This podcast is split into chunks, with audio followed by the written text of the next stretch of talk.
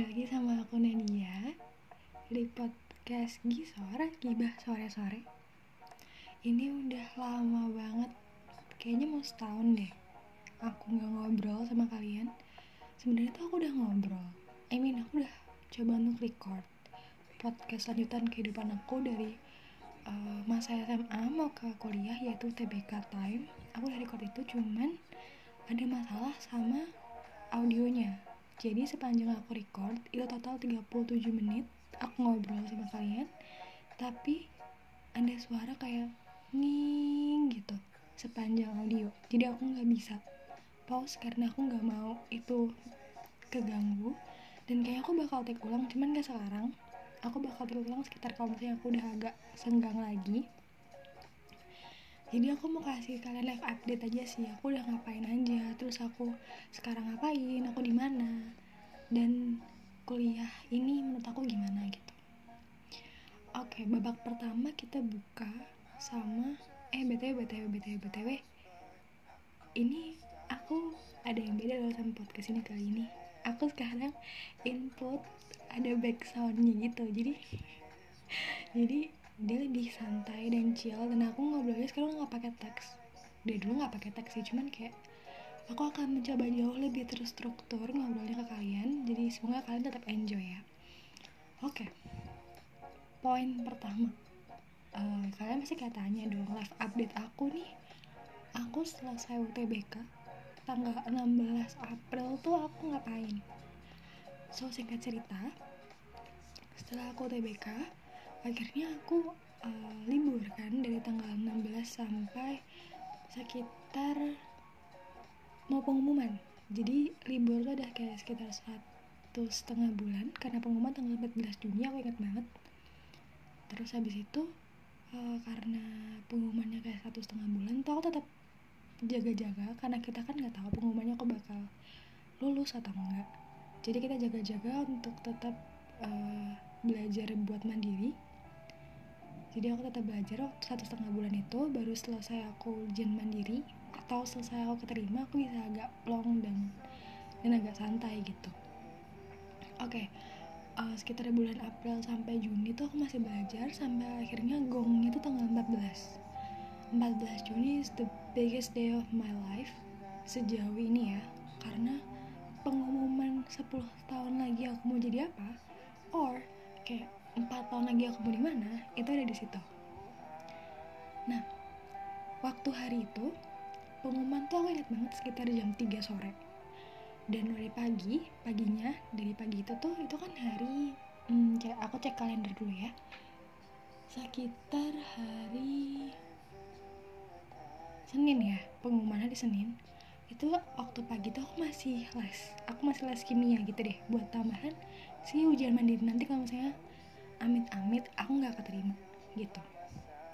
Habis itu uh, karena aku masih belajar jadi uh, sebenarnya nunggu tuh nggak kerasa. Kan kita harus nunggu dari dari siang sampai no dari pagi sampai sore. Sampai dari pagi sampai jam 3 tuh kita harus nunggu. Sebenarnya nggak terlalu kerasa karena uh, jujur aku habis buat belajar juga gitu. Nah waktu sorenya semua teman-teman aku aku nggak hubungin. Aku nggak akan hubungin teman-teman aku kecuali mereka mau hubungin aku duluan setelah pengumuman. And that's I think the apa ya the appropriate the, the appropriate way buat kasih teman-teman kalian waktu setelah mereka setelah mereka nerima hasil pengumuman yang sebesar itu karena even mereka keterima atau gak keterima pun itu hak mereka untuk nggak ngasih tahu atau ngasih tahu kalian. Gitu. Jadi kalau misalnya kalian sekarang nih yang kelas 12 nanti kalau misalnya kalian mau ujian jangan kalau saran dari aku jangan tanya sebelum teman yang mau kalian tanya ini atau teman-teman terdekat kalian sekalipun ngasih tahu kalian duluan. Kayak reach kalian duluan kayak say hi terus aku terus mereka bilang mereka bilang aja apa yang mereka rasain. Kayak mereka mau keterima atau enggak. Kalau misalnya mereka nggak bilang jangan ditanya. Jangan ditanya karena ya udah berarti emang mereka mau keep buat diri mereka sendiri. Gitu. Itu yang aku praktekin waktu tanggal 14 jadi teman-teman yang diterima bilang ke aku. Yang enggak ya mereka diem aja karena karena aku sadar betapa kecewanya betapa sedihnya betapa malunya ketika kamu gak terima dan alhamdulillahnya aku terima di pilihan kedua aku pilihan pertama kalau aku belum live update ke kalian. Pilihan pertama aku tuh aku milih FKM aku milih FKM UNER karena emang aku udah secinta itu awalnya sama FKM dan F FKM tuh menurut aku yang hmm, sebenarnya nggak kedokteran cuman ada kedokteran sedikit tapi juga ada sosialnya. Jadi aku lebih cocok ke situ daripada aku langsung terjun ke kedokteran gitu. Tapi ntar aku kasih fun fact-nya ya soal FKM terus yang kedua aku milih di teknik lingkungan UPN UPN Jatim. Karena dekat sama rumah. Uh, pertimbangannya banyak kenapa aku milih dua itu. Aku udah coba survei dari nilai TO-TO aku aku udah coba untuk uh, mengerti kemampuan aku di mana aku udah coba untuk mengerti dari kondisi uh, keluarga aku gimana kalau misalnya aku jauh-jauh. Dan akhirnya aku netapin dua pilihan itu untuk jadi pilihan kampus aku. Dan, dan alhamdulillahnya aku keterima di pilihan kedua. Tapi tapi nggak sampai situ aja. Karena bunda aku tetap harusin aku untuk mandiri. Dan aku tetap mau ngejar FKM jadi aku ikut mandiri dua aku ikut mandiri di UNER UNAIR aku juga ikut mandiri di undip. Hmm, kalau semisal ditanya nih untuk ujian mandiri tuh lebih susah mana sih mandiri sama UTBK jujur banget susah banget UTBK kayak susah banget. Cuman kalau dibandingin utul atau apa kalau UI tuh uh, apa ya pokoknya intinya ujian yang utul UGM sama UI itu lebih susah mereka. Tapi UG salah tapi kalau misalnya UTBK itu udah susah banget. Gitu buat aku ya buat aku sendiri. Kemudian kalau dibandingin sama ujiannya UNER sama UNDIP lebih susah yang mana? Susah UNER. Jujur susah UNER karena UNER lebih yang kayak sebenarnya tuh nggak susah. Cuman ya lebih ribet aja dibandingin ujiannya UNDIP. Tapi kalau dibandingin sama UTBK susah UTBK gitu. Aku ujian UNER itu tanggal 26 Juni.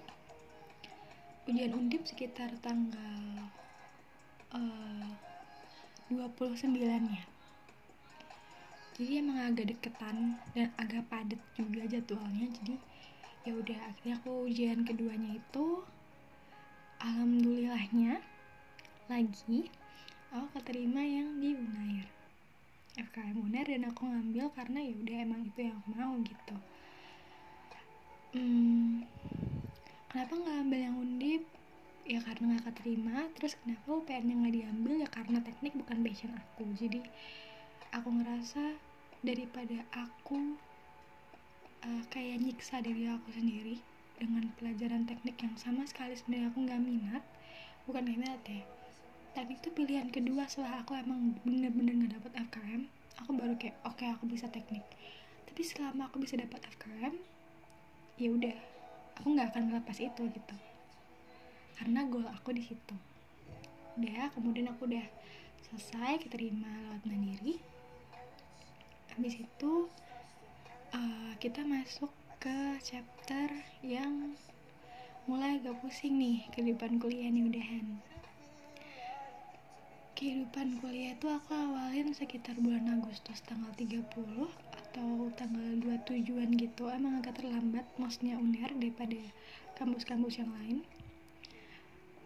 Uh, diawali sama Merta dulu kamp uh, sorry uh, ospek kampus terus dilanjut sama ospek fakultas diakhirin sama ospek jurusan. Ada tiga kali ospek nih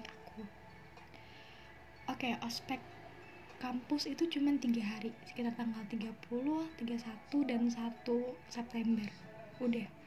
Kemudian dilanjutin oh ti enggak enggak. Ospek kampus itu jadi satu sama ospek fakultas. Jadi ospek kampus itu mm, ospek pertamanya tuh sekitar tanggal 30 31 kalau aku nggak salah. Kemudian tanggal 1 sampai tanggal 3 nya itu aku di ospek uh, fakultas. Terus tanggal 5 nya itu aku bingung ya pokoknya dari tanggal 30 31 1 sampai 5 oh iya sekitar tanggal segituan pokoknya pokoknya tuh uh, dua hari aspek kampus kemudian tiga hari aspek fakultas diakhirin sama satu hari aspek kampus. Terus langsung dilanjut sama ospek uh, jurusan. Jadi beda nih ospek fakultas sama ospek jurusan. Jadi kan dalam satu fakultas itu kalau emang tahu ya satu fakultas itu ada beberapa prodi. Nah prodi ini adalah jurusan. Kalau dari aku fakultas aku tuh fakultas kesehatan masyarakat. Cuman dalam satu fakultas tuh ada dua prodi nih. Ada prodi gizi sama ada prodi ilmu kesehatan masyarakat. Jadi beda aja gitu. Jadi aspek fakultas dan aspek jurusannya mereka pun fakultasnya satu jurusannya beda gitu. Dan aspek jurusan ini tuh yang lebih lama durasinya karena sekitar satu bulan.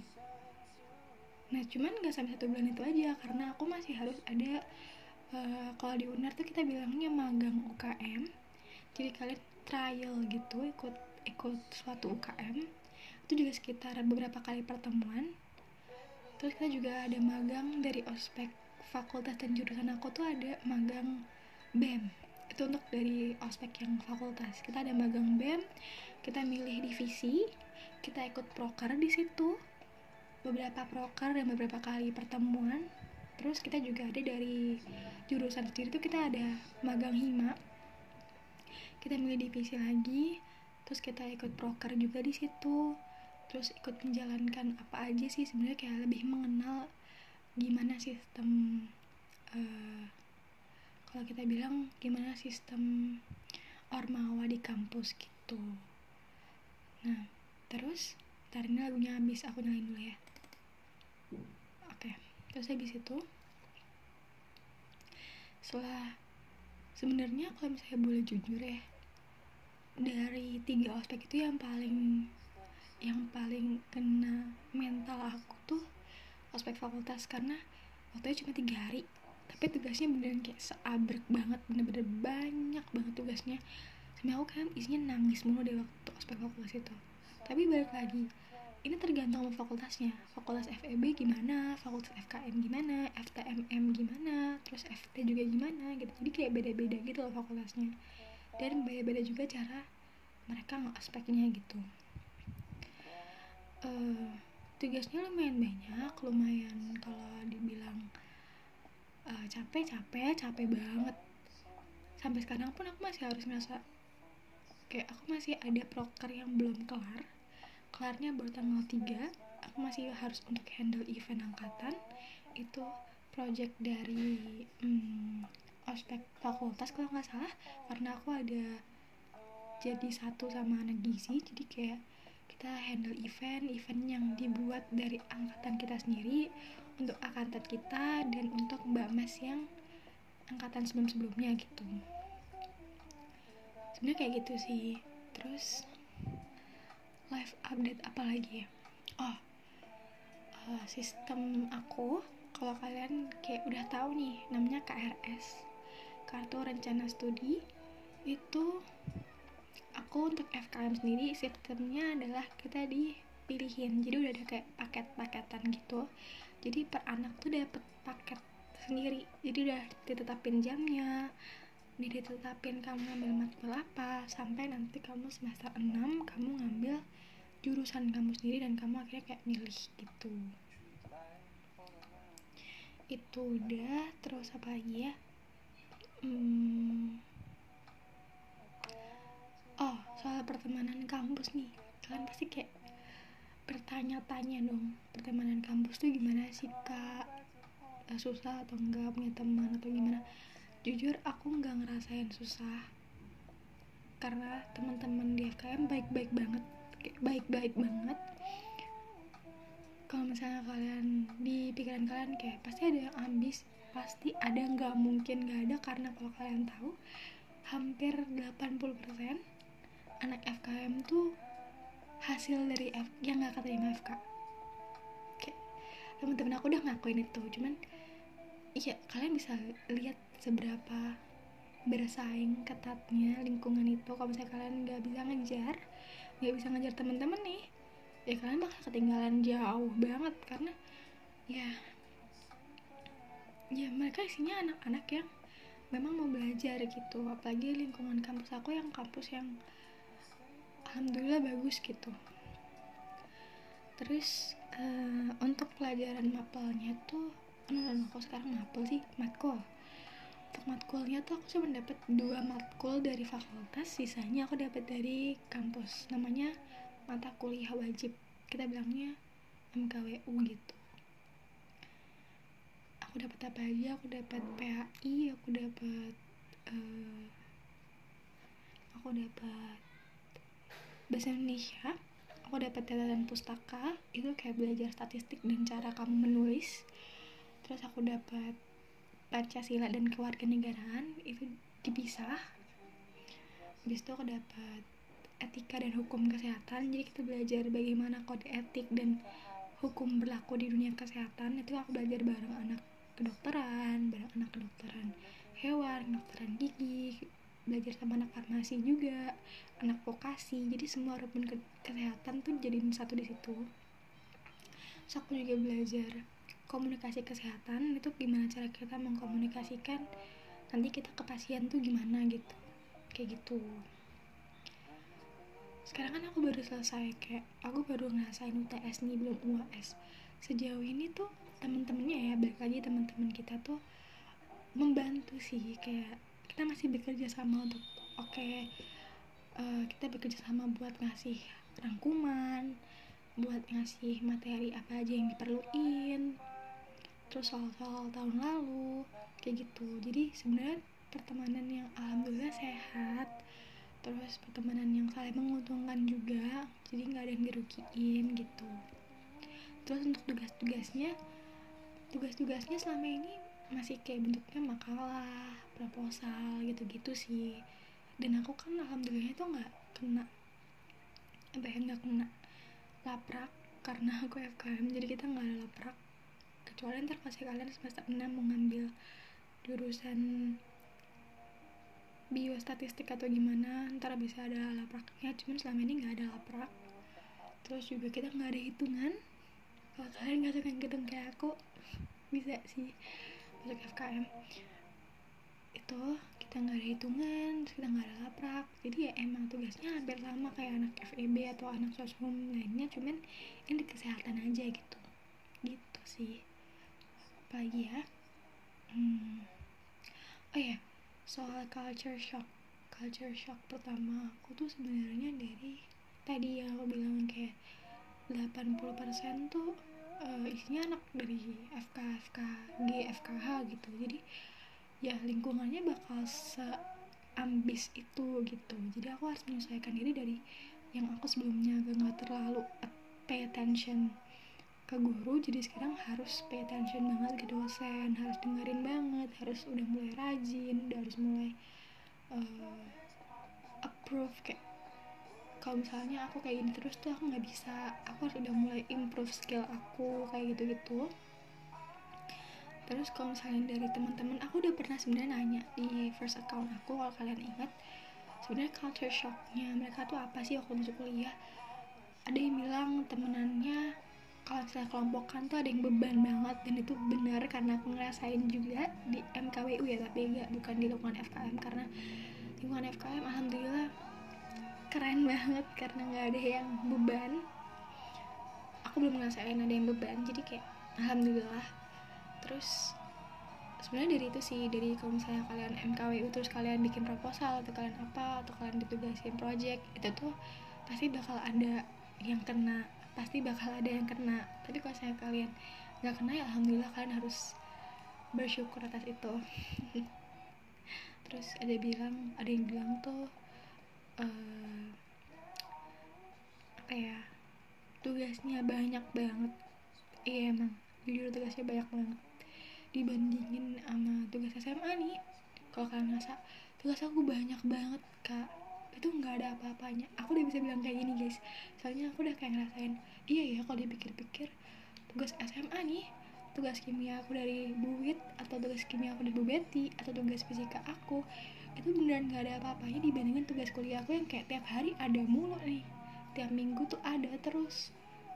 Terus tiap hari tuh yang ada yang tabrakan aku harus zoom ini itu. Aku sering banget zoom double device triple device. Itu itu buat kadang bahas tugas kadang rapat kadang ini kadang itu. Jadi bener-bener full. Sampai waktu aku awal masuk sekitar ke satu dua bulan tuh aku hektik aku overwhelmed banget. Tapi aku ngerasa uh, aku udah memual nih gara-gara kebanyakan tugas gitu. Cuman sekarang jauh lebih santai karena udah selesai juga ospeknya udah selesai semua beban-beban hidup itu. Jadi udah mulai bisa untuk menikmati hidup perkuliahan lah dikit-dikit gitu. Meskipun masih kayak tugasnya masih banyak banget nih gitu. Uh, terus apa lagi ya?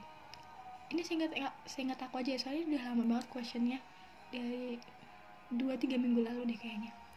Terus apa lagi ya? Selain tugas pertemanan dan mata kuliah kayaknya nggak ada sih. Kayaknya itu doang yang agak cukup bikin culture shock. Hmm iya kayaknya itu deh itu aja deh. Nah karena udah selesai nih aku udah kayak bilang nih live update aku apa aja. Uh, aku udah kasih kalian gambaran juga nih kalau misalnya kuliah itu gimana. Jadi kayaknya aku bakal tutup sesi pada curhatan Nadia ini semoga kalian suka semoga kalian gak bosan dengerin sampai sampai 22 menit ini. Semoga kesalahan-kesalahan kebelibetan-kebelibetan omongan aku tuh dimaafkan karena ini udah mulai agak berkurang gitu daripada sebelum-sebelumnya yang belibet banget nih aku ngomong nih. Sekarang udah agak lebih tertata agak lebih jeda gitu ngobrolnya. Jadi biar kalian denger itu jauh lebih enak gitu. Nih tadi ngomong aja baru belibet gitu sekarang juga ngomongnya belibet. Pokoknya gitu deh. Uh, semoga kalian suka semoga kalian bisa dengar semoga kalian mengerti apa yang aku sampaikan dan semoga bermanfaat. Kalau misalnya kalian lagi mengalami hard time percaya sama aku ini sebenarnya nggak terlalu membantu cuma percaya sama aku itu bakal selesai.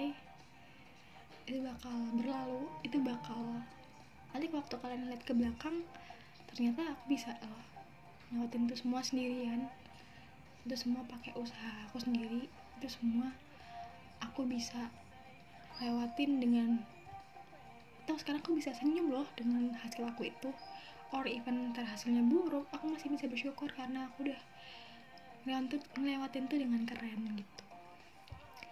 Jadi kayaknya semua yang udah aku lewatin dari mulai aku kelas 12 sampai akhirnya aku di titik sekarang ini aku masuk kampus ini tuh literally nggak gampang aku udah nangis berulang-ulang kali aku udah nangis kayak ribuan kali tiap malam selama bulan UTBK sampai akhirnya aku udah bisa agak plong tuh sekarang.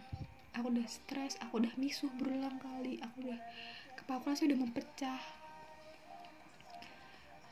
Tapi aku bersyukur banget karena aku punya teman-teman baru atau punya teman-teman yang selalu support aku di mana pun aku gimana pun aku selalu menghargai semua kerja keras aku juga. Dan aku punya uh, aku punya ini pentingnya kalian kalau misalnya kalian ngerasa kalian punya bias itu nggak terlalu penting ini penting banget karena they can heal you guys. They can heal your soul gitu. Jadi menurut aku tuh penting banget kalian melakukan apa yang kalian suka. Misalnya kayak aku aku kalau misalnya stres banget aku nyanyi. Aku kalau stres banget aku cerita even ke, ke diri aku doang saya cerita aku ngomong sendiri tapi itu kayak membantu banget. Serius itu membantu banget untuk kalian bisa ngelewatin ini semua gitu.